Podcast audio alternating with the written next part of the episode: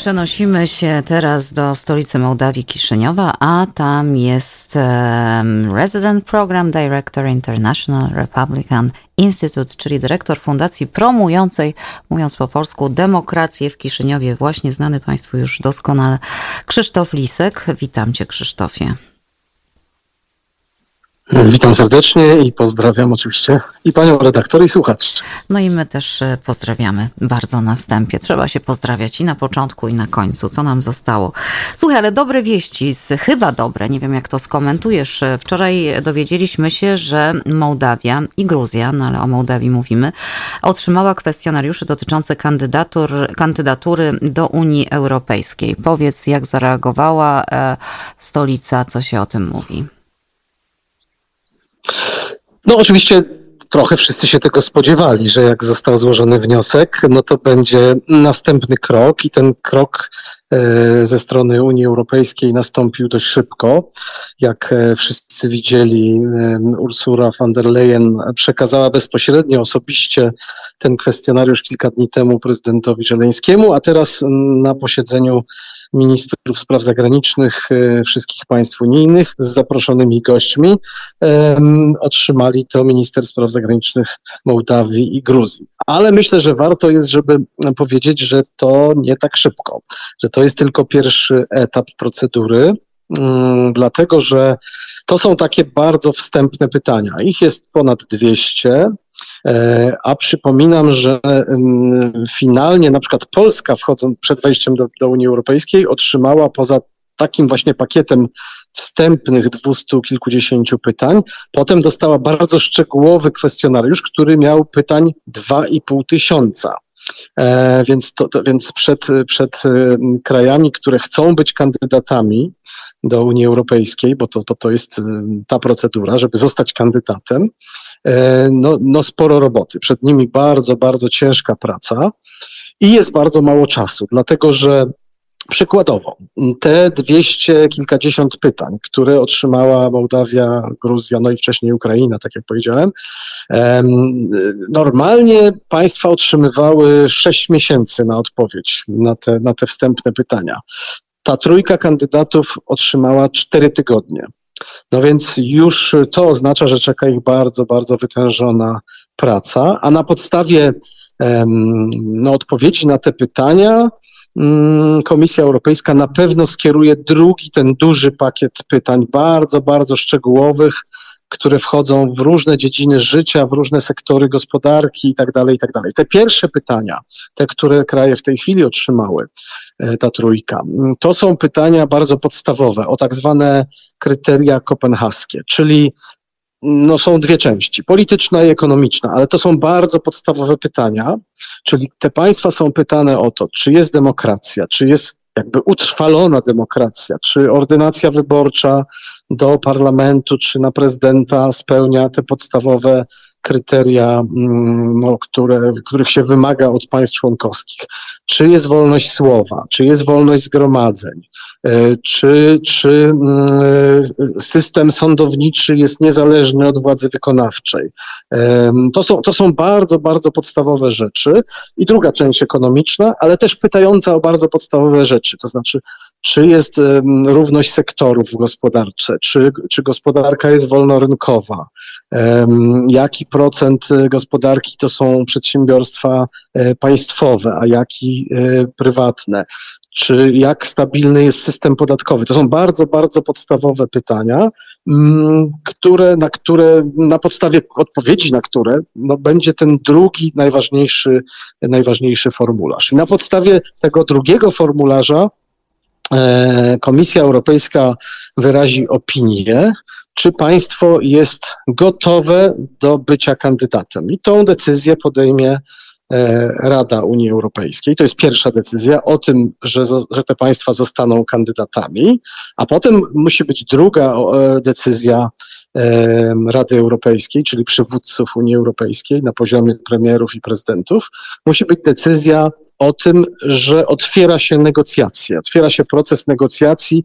No i ten proces negocjacji mm, no, no trwa różnie, tak? W, w niektórych przypadkach trwał 3-4 lata.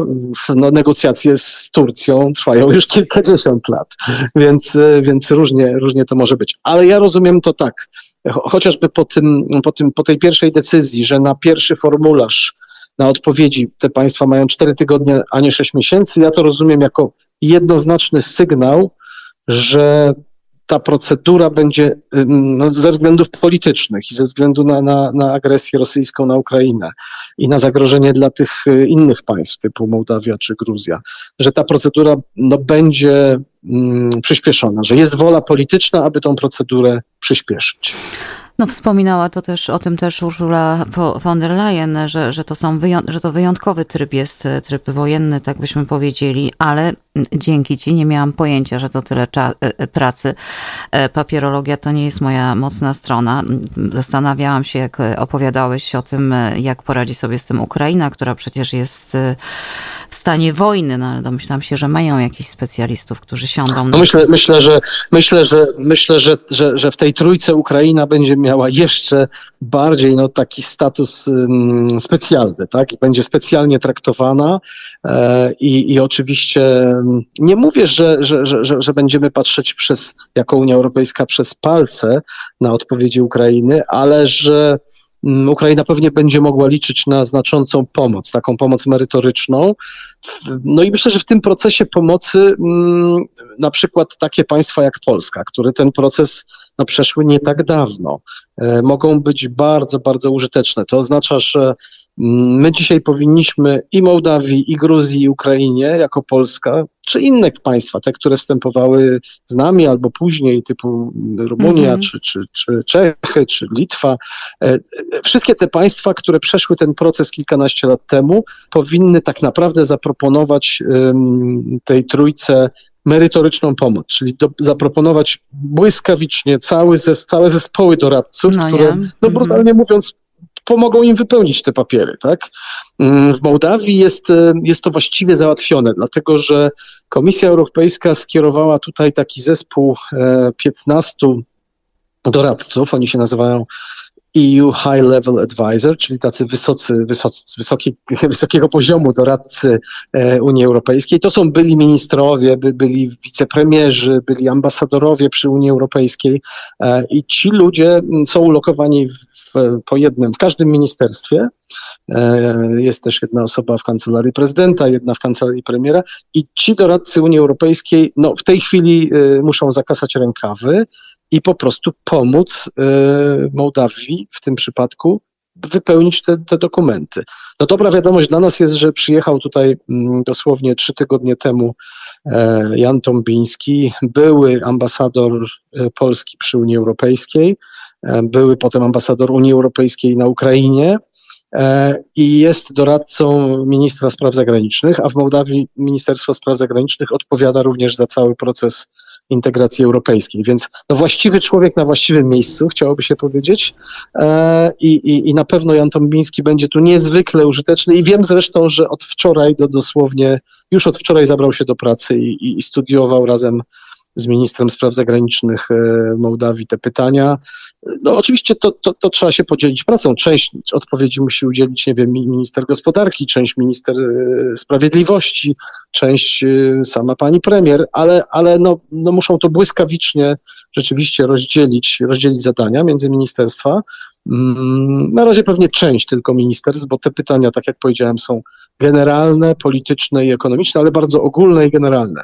Później przyjdzie ten drugi pakiet, pewnie ponad, dobrze ponad 2000 pytań, gdzie się pyta o to, jakie są na przykład, nie wiem, regulacje dotyczące połowu ryb w rzekach, mm -hmm. albo, albo, albo jakie są regulacje dotyczące, bo ja wiem, um, nie wiem, eks, eksportu e, wina, albo, albo jakie są oznaczenia na etykietach, albo jakie, jak, jak wygląda kontrola e, sanitarna przy uboju zwierząt i tak dalej, i tak dalej, i tak dalej. Te, te, te, ten drugi pakiet pytań to jest robota dla, to będzie robota na parę miesięcy dla całego rządu tych wszystkich krajów, które otrzymały Niełatwo, niełatwo z tego, co mówisz, jest wstąpić do tej wspólnoty unijnej, a zobacz, niektórzy chcieli, chcieliby z niej wyjść, a niektórzy nawet wyszli.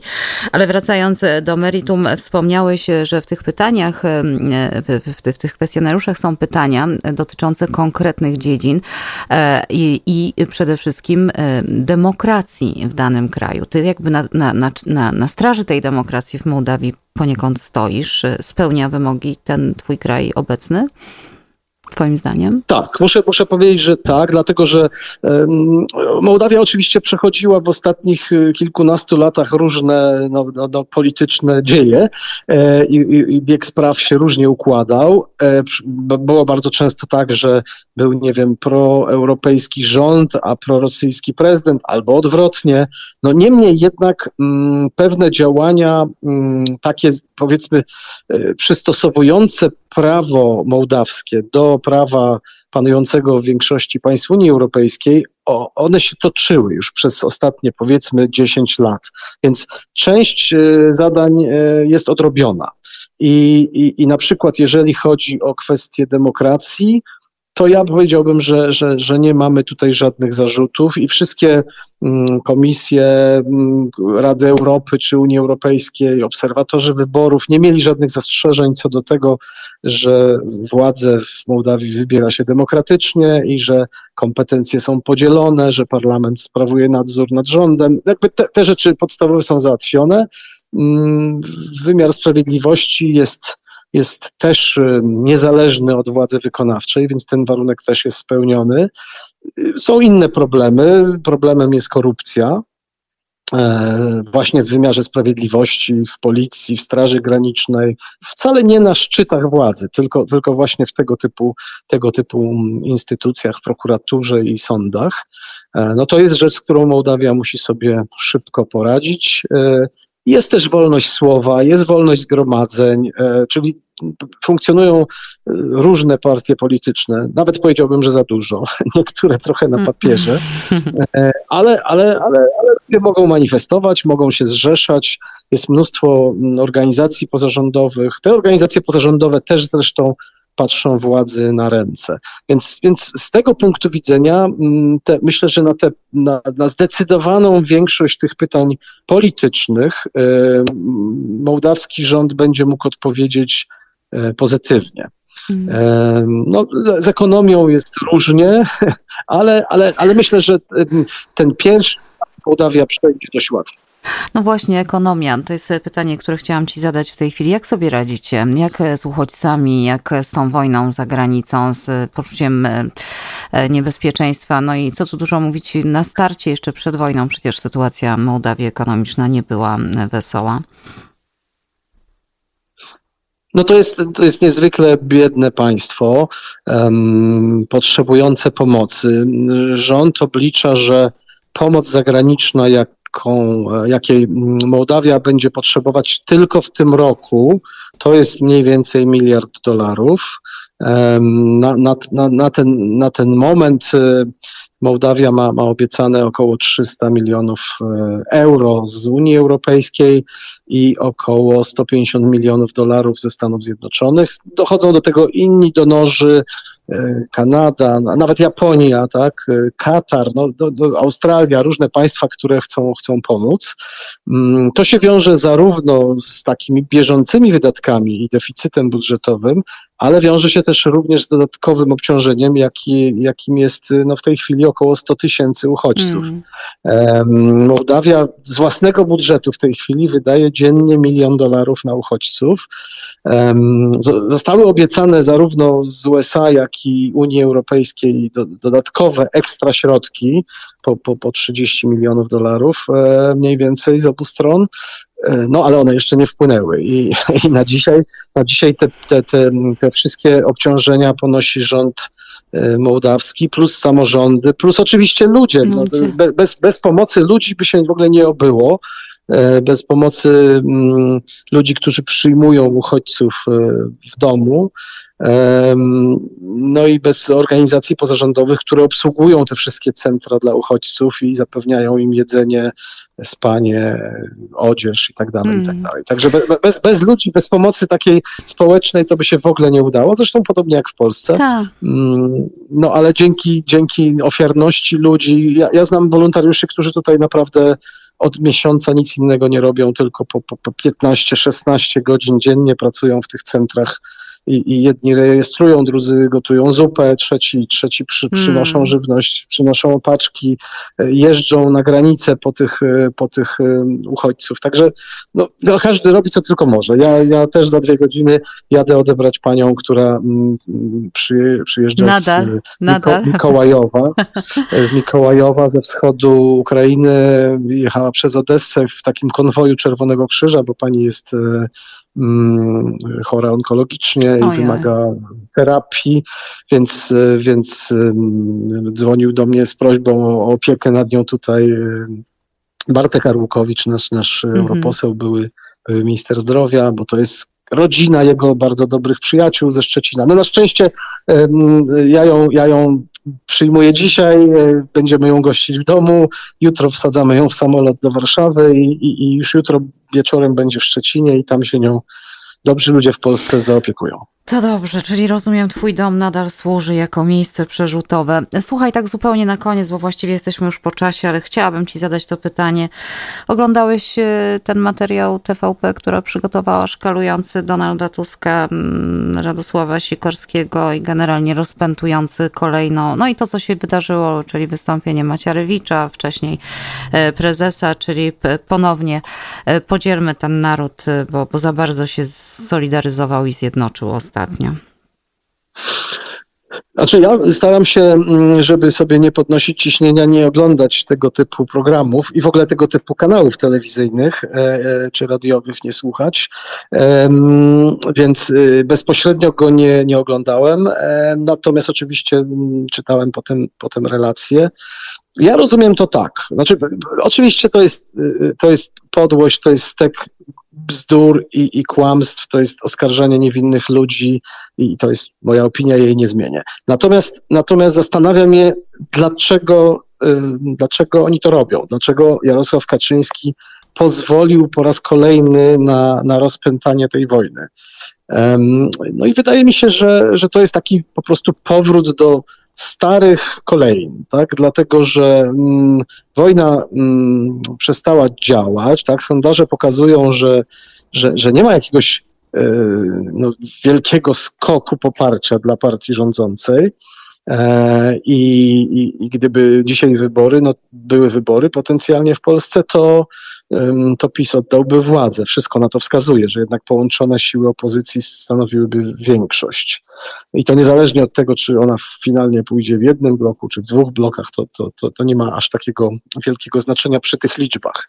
Natomiast, natomiast wydaje mi się, że, że w tej sytuacji Jarosław Kaczyński stara się wrócić do starych, e, starych szlaków, że tak powiem, czyli, czyli no, dokonanie tego takiego radykalnego podziału, podziału Polaków, korzystając na, mm, na takim wzroście niechęci do Rosji. Tak? To znaczy, że, że dzisiaj mm, e, e, myślę, że on myśli, że dzisiaj tą teorię rosyjskiego zamachu mu się uda po prostu lepiej i łatwiej sprzedać, tak? I ją utrwalić w rozumach i, sercach Polaków. Mm. To jest, to, to jest to jest karygodne tak naprawdę. Podłe, to jest, podłe, cyniczne. Granie na, tak. na, na, Oczywiście, oczywiście. Natomiast, natomiast, natomiast mam dobrą wiadomość, to mu się nie uda. Tak? Ja uważam, że oczywiście jest przerażająco duży procent Polaków, którzy w tego typu bzdury wierzą. Natomiast, natomiast ona, ona już nie wzrośnie, a raczej będzie malała i, i myślę, że to się zakończy klęską e, obozu rządzącego w najbliższych wyborach. Ja też mam nadzieję, że ludzie wreszcie przejrzą na oczy i zobaczą ten cynizm przez duże C i to wykorzystywanie. I zresztą mieliśmy potwierdzenie, że tak e, ta partia działa w tych wszystkich mailach, które wyciekały, mailach Dworczyka. Zróbmy to, bo teraz nam to będzie żarło i tak dalej. Także to jest absolutnie tajemnica Poliszynela. Krzysztof, dziękuję Ci bardzo. Jak zwykle było mi niezwykle miło z Tobą rozmawiać i, i, i wpraszam się na, na znów e, kiedyś tam. Dobrych świąt życzę Ci i, i do usłyszenia. Dziękuję bardzo. Wzajemnie wszystkiego dobrego na święta wszystkim słuchaczom naszego radia. Dziękuję, dziękuję bardzo. Krzysztof Lisek, Resident Program Director International Republican Institute, czyli dyrektor fundacji promującej e, demokrację e, w Mołdawii, był naszym gościem.